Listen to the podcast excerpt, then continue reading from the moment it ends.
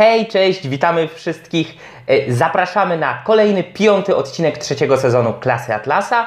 Jest ze mną Ziemowit Gowin, Czołem. e, za kamerą Martyna Domańska. Ja nazywam się Mateusz Błaszczyk i dzisiaj porozmawiamy o kolejnym temacie kulturowym dotyczącym e, zjawisk współczesnego świata, które e, dość mocne piętno e, odciskają na e, tym świecie i będziemy konkretnie mówić o czymś, co trochę nawiązuje do poprzednich odcinków, zwłaszcza do odcinku o trybalizmie, poniekąd do odcinku o intersekcjonalizmie, czyli porozmawiamy o polityce tożsamości albo polityce tożsamościowej.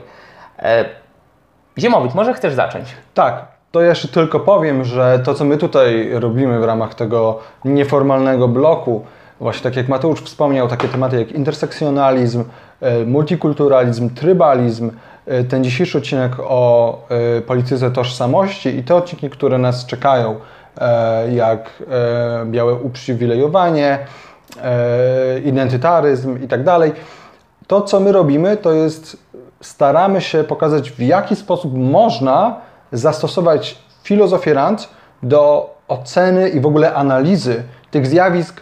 To są zjawiska kulturowe w tym sensie, że one no, występują w pewnej kulturze, w pewnym dyskursie, ale no, są to jednak zjawiska, które mają też bezpośredni wpływ polityczny.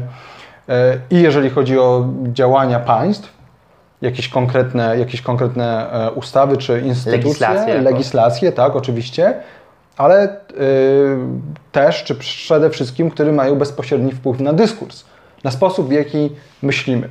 Więc jeszcze raz, to co robimy, to jest stosujemy filozofię obiektywistyczną i jej perspektywę e, do analizy i oceny tychże zjawisk, myśli czy ideologii. E, Więc dzisiaj porozmawiamy o polityce tożsamości i żeby dobrze zacząć w ogóle rozmowę o polityce tożsamości, warto wyjść od bardzo takiej ogólnej zasady, e, której polityka tożsamości e, jako taka sprzeciwia się. Jest to zasada uniwersalizmu. Teraz generalnie można powiedzieć, że uniwersalizm, e, który ma bardzo różne formy, polega na tym, że przypisuje pewne prawa czy pewne zasady dotyczące wiem, etyki, funkcjonowania, kultury, społeczeństwa wszystkim ludziom. I takich uniwersalizmów e, było wiele, może być wiele. Mamy uniwersalizm łaciński, może być uniwersalizm e, chrześcijański, e, muzułmański, oświeceniowy, demokratyczny. Wydaje mi się, że takim pierwszym, tutaj Mateusz możesz mnie poprawić, jeżeli Twoim zdaniem się mylę, Poprawię. już, był właściwie uniwersalizm etyczny heleńskiej filozofii, gdzie, to znaczy filozofii hellenistycznej, e, gdzie właściwie epikurejczycy, stoicy i tak dalej, i te inne szkoły e, były kosmopolityczne. W przeciwieństwie na przykład do Platona czy do, czy do e, Arystotelesa. Przynajmniej na punkcie etyki, na punkcie, na, punkcie na poziomie politycznym. No i też takim uniwersalizmem jest na przykład marksizm. Więc mimo, że to są bardzo różne pojęcia, bardzo różne zasady, to to, co je łączy, ten wspólny mianownik między nimi, który sprawia, że możemy je nazwać, podpiąć pod termin uniwersalizmu, jest to, że mówią o pewnych ogólnoludzkich zasadach. Ogólnoludzkich zasadach, zasadach absolutnych, które dotyczą każdego i zawsze. E, No i teraz bardzo ważnym z naszego punktu widzenia jest e, uniwersalizm epoki oświecenia, e, gdzie jego, jego wyjątkowość polegała na tym, że na pierwszy plan, znaczy na pierwszy plan w ogóle pojawiło się, jak już wspominaliśmy w poprzednich odcinkach, pojawiło się pojęcie praw jednostki i owo pojęcie zostało właśnie wysunięte na pierwszy, na pierwszy plan. To możemy mówić o prawach jednostki, o prawach e, człowieka, e, które no, swoje takie uzasadnienie i, i, i taką podstawę zn- znalazły w Deklaracji Niepodległości Stanów e, Zjednoczonych, ale też na przykład w rewolucji e, francuskiej. Niezależnie od ich różnic, tak? bo oczywiście możemy optować za różnymi, za prawami jednostki czy prawami człowieka, ale możemy Ale nie je stosować rozumieć- gilotyny, nie? ale możemy je rozumieć bardzo e, różnie.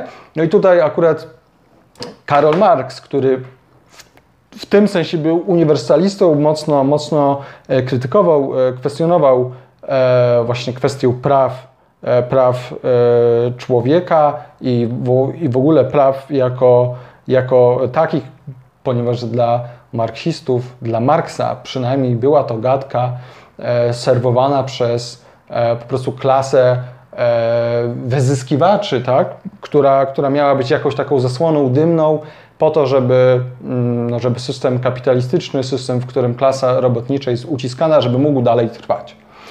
No, E, Dla Marksa, ja tylko dodam, dla Marksa, jeśli istniały jakieś prawa, to były to prawa dziejowe, nie prawa e, w znaczeniu e, praw dotyczących, przynależących do e, pojedynczego człowieka, które e, dają mu pewne uprawnienia czy e, określają zakres wolności, tylko deterministyczne prawa dotyczące wielkich kolektywów, generalnie całej ludzkości, której historia polega na konflikcie i ścieraniu się e, klasy wyzyskującej i klasy wyzyskiwanej. Tak? A prawa jednostki to właśnie takie wymysł e, burżuazyjnych elit, żeby e, spowolnić, opóźnić nieuchronną rewolucję wyzyskiwanych mas proletariatu. No właśnie, tutaj zmierzamy już do, do konkluzji tego wstępu. To, co dla Marksa, to, co u Marksa jest tym uniwersalizmem, to właśnie idea jedności proletariatu.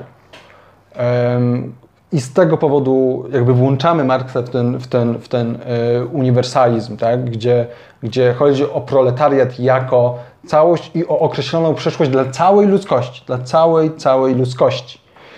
I jakby to jest wstęp, ten uniwersalizm służy nam po to, żeby mm, jako przeciwstawienie, jako ten krytyczny punkt wyjścia do polityki y, tożsamości. Mateusz, przedstaw nam genezę w ogóle pojęcia. Jak to się w ogóle stało? Jasne. No to musimy przeskoczyć o kolejne stulecie do przodu. E, Jesteśmy już teraz e, nie w XIX, ale w XX wieku i XX wiek ma to do siebie, że wielu myślicieli, filozofów, ideologów, osób życia publicznego na takim czy innym poziomie w ogóle zaczęło kwestionować e, istnienie jakichkolwiek uniwersalnych zasad dotyczących czegokolwiek, nie tylko takich czy innych, tak czy inaczej rozumianych praw jednostki, ale w zasadzie czegokolwiek. Wszystko zaczęło przyjmować formę e, subiektywizmu takiego czy innego, e, relatywizmu takiego czy innego. E, no, jakby tutaj tak e, naj, najkrócej mówiąc, e, jest to jest bardzo duże uproszczenie. Proszę się nie czepiać, bo uproszczenia mają to do siebie, że no nie obejmują całokształtu zjawiska. Natomiast y, jest pewna taka teza, zgodnie z którą po II wojnie światowej, kiedy starł się y, jeden totalitaryzm z drugim i świat został praktycznie zaorany, gdzie były y, obozy, obóz państw osi, tak, obóz faszystowski, narodowo-socjalistyczny, był obóz państw komunistycznych, był ten tak zwany obóz y, państw demokratycznych, tego na wpół wolnego świata. E, No i tutaj narodowi socjaliści twierdzili, nasza idea, nasza ideologia jest absolutnie prawdziwa, jest jedyną prawdziwą, my idziemy za nią e, zabijać e, i umierać. To samo twierdzili w drugą stronę komuniści. E, I w tym momencie po II wojnie światowej e, wiele osób stwierdziło, ok, więc skoro upieranie się przy tym, że nasze zasady są absolutnie prawdziwe, prowadzi do takich skutków, znowu upraszczam, to może w ogóle nie warto się upierać przy jakichkolwiek zasadach, które są absolutnie prawdziwe i takich zasad nie ma.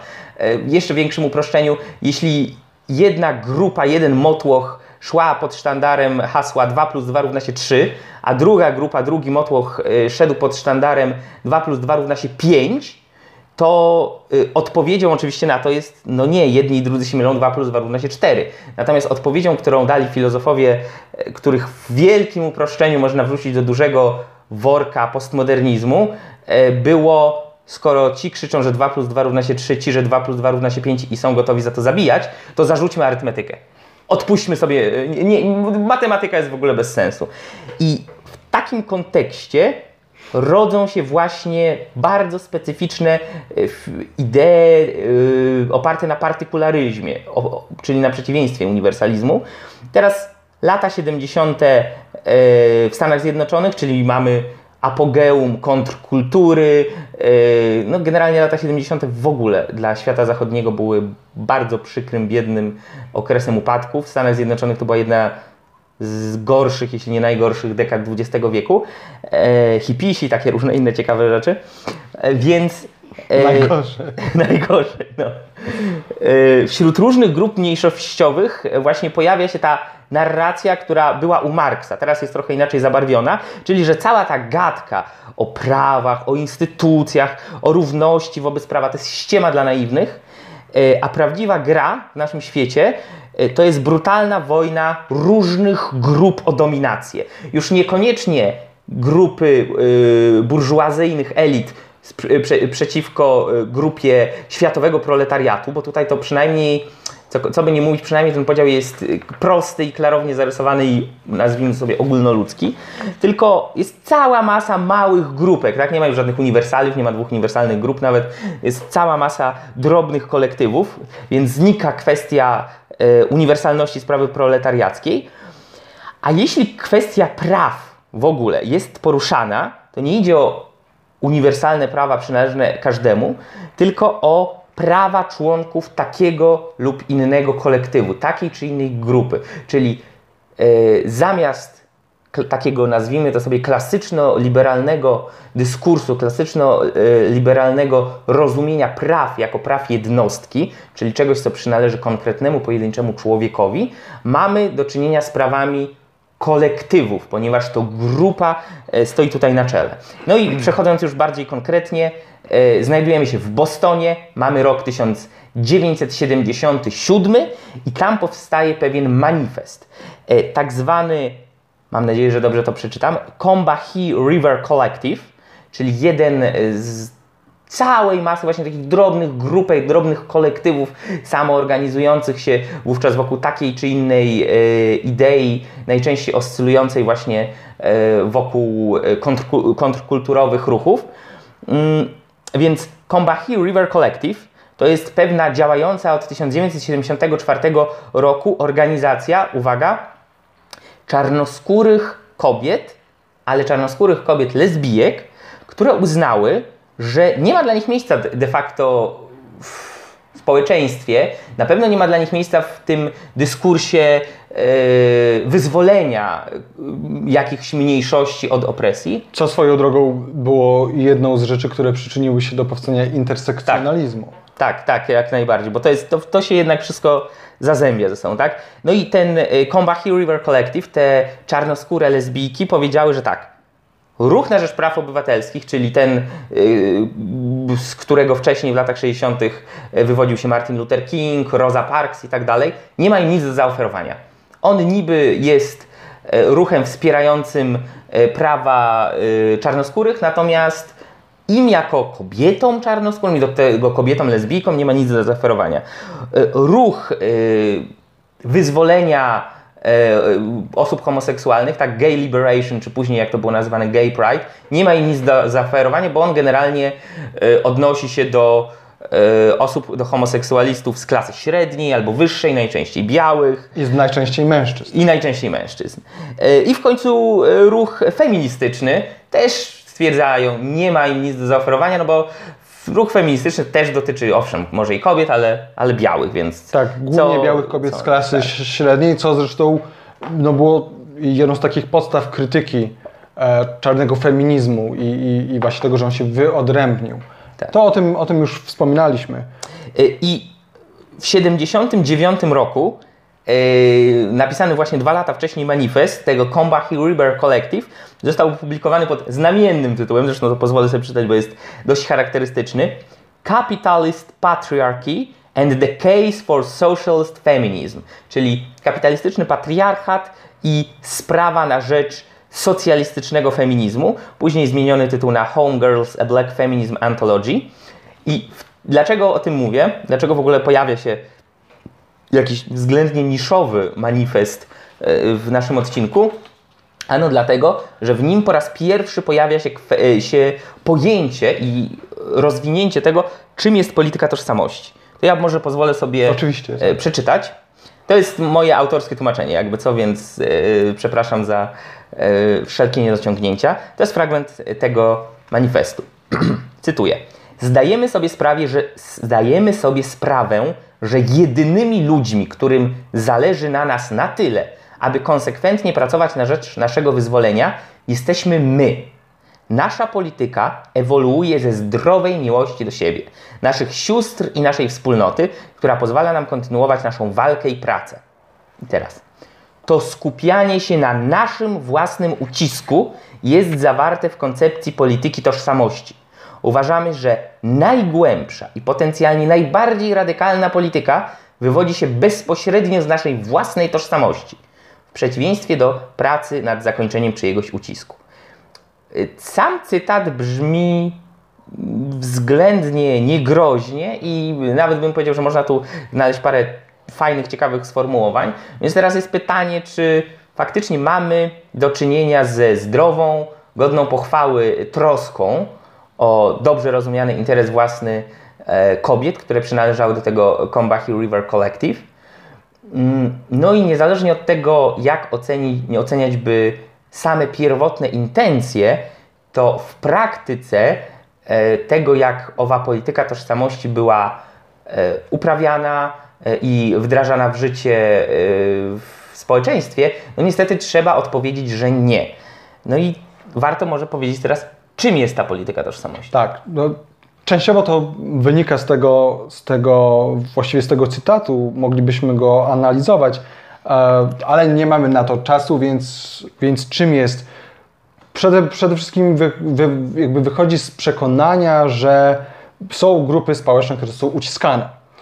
I to oczywiście możemy wy- wymieniać e, kobiety, możemy wymieniać etno, e, mniejszości e, etniczne, czy rasowe, czy seksualne. No tutaj już widzimy, że możemy wchodzić w bardziej szczegółowe mniejszości, takie jak właśnie czarne feministki. Mężczyzn, mężczyzn poniżej 1,80 m. Na przykład tak.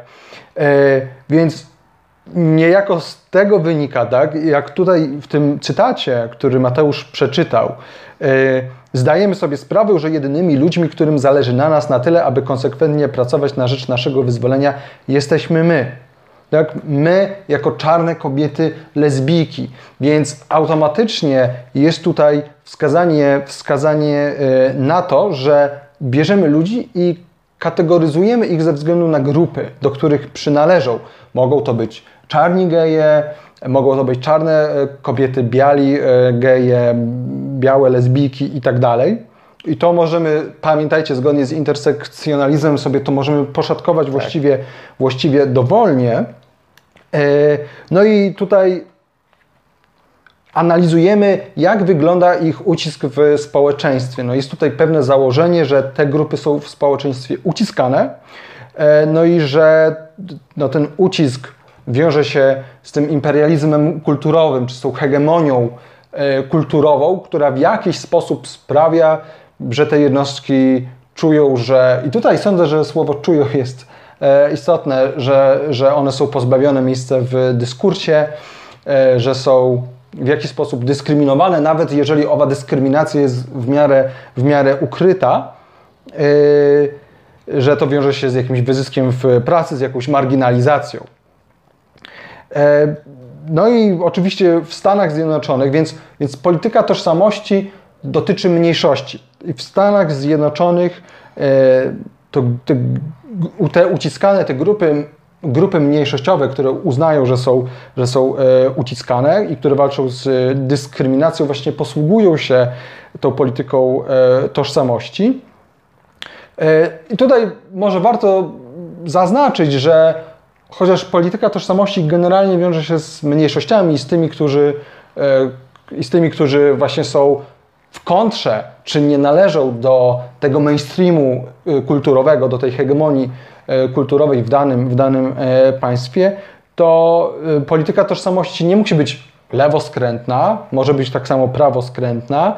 E, o tożsamościowcach czy, identyta, czy identytarystach możemy jeszcze, jeszcze będziemy mówić w przyszłym, w jednym z przyszłych odcinków, ale to już tutaj warto zaznaczyć, że mogą być tożsamościowcy chrześcijańscy, muzułmańscy, no akurat muzułmańscy to jest, to jest te, też w Stanach mniejszość i oni też się posługują polityką e, tożsamości. No tak, ale ruchy, y, czy to panarabistyczne, czy jakieś inne w Afryce i na Bliskim Wschodzie, no już nie są w mniejszości, tak? a są ewidentnie oparte na y, budowaniu nowej, nowej tożsamości. To jest y, też pewien fenomen y, no, XX wieku. Tak, oczywiście. E, Mamy też, mamy też czarnych nacjonalistów, mamy też nacjonalistów queerowych, więc, więc mamy tu naprawdę bardzo różne możliwości, jeżeli chodzi o, jeżeli chodzi o e, te grupy. To, co jest interesujące, to to, że, że jest wielu lewicowców, których moglibyśmy nazwać staroświeckimi, czy ja bym powiedział, że marksizującymi, jak Erich Hobsbawm, ale nie tylko. I, i, i- to myślę, że to nawet w polskim dyskursie, w tej współczesnej lewicy, mimo że, mimo że e, polityka tożsamości i w ogóle intersekcjonalizm, wydaje mi się, że jest przez większość, przynajmniej młodego pokolenia lewicowego, e, akceptowana, to, to jest pewna opozycja przeciwko e, niemu, która, która generalnie krytykuje pol, politykę tożsamości. Właśnie dlatego, że polityka tożsamości skupia się na płciowości, e, etniczności i tak dalej, i na tych wszystkich różnych e, rzeczach, o których, o których już wspominaliśmy w ramach intersekcjonalizmu. E, Natomiast to wszystko sprawia, że na dalszy plan schodzi główny problem, a tym głównym problemem jest kapitalizm, czyli walka z kapitalizmem, czyli nagle, nagle, się, nagle się okazuje, że to, co dla takiej skrajnej lewicy było e, głównym punktem, tak. czyli, czyli i właśnie zgodnie z tym uniwersalizmem, dlatego tu wspominaliśmy, że, że polityka tożsamości jest, e, wychodzi jakby naprzeciw, e, więc tym głównym punktem dla tej powiedzmy, no nazwijmy to staroświeckiej lewicy e, była przede wszystkim kwestia e, walk o prawa pracownicze, o kwestie ekonomiczne i Zniszczenie kapitalizmu. i zniszczenie kapitalizmu, no po prostu zwycięstwo proletariatu. Więc dla nich zrównanie kategorii tożsamości e, płciowej, e, kategorii mniejszości seksualnych i tak z kwestią e, klas społecznych jest błędem. Jest błędem. Em, no i oczywiście też wspomniany Hobsbawm. E, Dla niego tak naprawdę polityka tożsamościowa to jest e, jakaś tam wersja burżu, burżuazyjnego e, nacjonalizmu. Ja nawet pamiętam taką krótką, gdzieś to w sieci widziałem, był właśnie duży, znaczy duży, w tej bańce lewicowej, ale był spór między kobietami, które, które są z klasy średniej, czy z wyższej klasy średniej, które są feministkami i krytykują tych, którzy w jakiś sposób e, na dalszy plan e, jakby spychają ich problemy, mówiąc o tym, że one są, że tak naprawdę te ich problemy są wydumane, że one jako należące do no, wyższej klasy średniej czy do klasy średniej za bardzo się skupiają na feminizmie ze swojej uprzywilejowanej ekonomicznie pozycji, zamiast na, na prawach pracowniczych. I to było starcie się właśnie myślenia w kategorii polityki e, tożsamości z, z tym staroświeckim spojrzeniem. No dobra. Polityka tożsamości tworzy problemy nieznane w żadnym innym systemie. Nie, przepraszam, to taka parafraza. Okej, op- zrobiliśmy opowieść. Co jest z tą polityką teraz tożsamościową nie tak? Dlaczego my się nią w ogóle zajmujemy? Yy, I dlaczego właśnie to nie jest zdrowa, dobra troska o, o własne yy, wyzwolenie z więzów ucisku? Dawaj. No, pierwszą podstawową rzeczą jest kwestia tego, że została zamieniona klasyczno-liberalna, yy, oświeceniowa, uniwersalistyczna kategoria praw jednostki, czyli praw przysługujących każdemu żyjącemu człowiekowi, na prawa grup lub kolektywów. A jak Ayn Rand słusznie stwierdziła w jednym ze swoich esejów, grupa nie może mieć żadnych innych, żadnych większych praw niż suma praw jednostek, które do tej O grupy czym będziemy mówić w O przyszłości. czym będziemy mówić jeszcze, tak. Okej, dalej.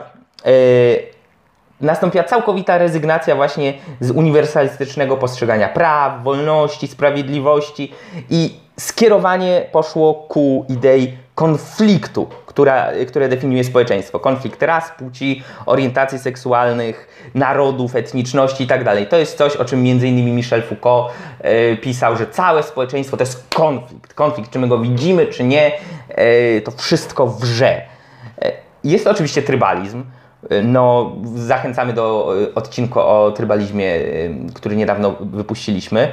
E, Ciężko powiedzieć, że może być to cokolwiek innego, skoro jest to typowe odwołanie do mentalności plemiennej. My jesteśmy kobietami czarnoskórymi, lesbijkami i dlatego coś. Tak? No i de facto na tyle to szatkuje społeczeństwo, polityka tożsamości, że prowadzi do zniszczenia wartości, czy idei, czy cnót, które stoją właśnie ponad wieloma e, podziałami, tak? Jak zgodnie z hasłem e, dawnej Platformy Obywatelskiej zgoda buduje, no to tu nie, nie może być żadnej zgody, skoro nawet kategoria samych praw to tylko zasłona dymna dla białych, heteroseksualnych samców kapitalistów. Sprawiedliwość może i powinna być dla przedstawicieli różnych grup. No i co to, co się tym osiąga? Wszystkie dyskusje na poziomie wyższym niż e, gadka o pogodzie e, no, stają się niemożliwe. Tak. No bo mówimy nawet innymi, innymi językami. Język tutaj takiej grupy, śmakiej Tak, i tak i to dalej. pamiętajcie, jeżeli nie obejrzeliście odcinka o intersekcjonalizmie, to ko- koniecznie obejrzyjcie, tam tłumaczymy to podejście, że e, tak naprawdę mamy punkty widzenia, które są, które są e, no, niedostępne epistemicznie Tak. pewnym grupom społecznym, jak na przykład tym, które wyzyskują. Więc te osoby, które są dyskryminowane, e, ich punkt widzenia jest po prostu faworyzowany. tak. I to siłą rzeczy prowadzi do konfliktu. konfliktów. No, jakich konfliktów to widzimy chociażby na przykładzie y, dzisiejszych Stanów Zjednoczonych, gdzie polityka tożsamości i różne odpowiedzi na nią e, bardzo podzieliły społeczeństwo, tak? E, mamy tu do czynienia z organizacją, z ruchem Black Lives Matter z jednej strony, e, z całą masą różnych rozdrobnionych grup, które prawdziwie albo rzekomo walczą, ale tylko o prawa tych grup i wszystkich, którzy są poza, traktują ok, jeśli nie jesteś z nami, to jesteś przeciwko nam. To jest, e, więc tak. I co więcej, ludzie, którzy wcześniej ogólnie uważali się, ja jestem najpierw przede wszystkim Amerykaninem, obywatelem USA, ja jestem spadkobiercą e, idei ojców założycieli, ja jestem e, spadkobiercą deklaracji niepodległości, teraz mówią, ja jestem najpierw czarny. Ja jestem najpierw kobietą, ja jestem najpierw gejem i tak dalej, a dopiero później człowiekiem czy Amerykaninem. I to się wiąże właśnie z kolejnym problemem, czyli z tym, że, że to, co oni proponują, ta ich proponowana tożsamość bycia czarnym gejem i tak dalej, to jest tak naprawdę proteza prawdziwej e, tożsamości. Dla nich ich tożsamość, ta tożsamość, o której oni mówią, jest oparta przede wszystkim na, na, na cechach, które są niewybieralne, czyli na determinizmie, tak ja się taki e, urodziłem, nie wiem, czarny, gej i tak dalej, i na przynależności do grupy, czyli na kolektywizmie. E, Tymczasem, jak już tłumaczyliśmy, wydaje mi się, w pierwszym czy w drugim sezonie klasy Atlasa, no, prawdziwa tożsamość jest budowana czy wykowana e, przez samego człowieka, gdzie liczy się jego charakter, a nie to, z czym się urodził. Tak, I tak można, i tak można zakończyć. To, co jest najważniejsze w człowieku, to jest to, co on sam zrobi ze sobą i swo- ze swoim życiem w takim, a nie innym kontekście jego y, miejsca na świecie, jego czasu i y, kultury, w której żyje. I to, co on zrobi, będąc tu i teraz, to jest najważniejsze i to jest to, co go charakteryzuje i ocenia. Więc Więc w polityce Myślę, że- tożsamości mówimy nie! Tym optymistycznym akcentem mówimy na razie i do zobaczenia za tydzień.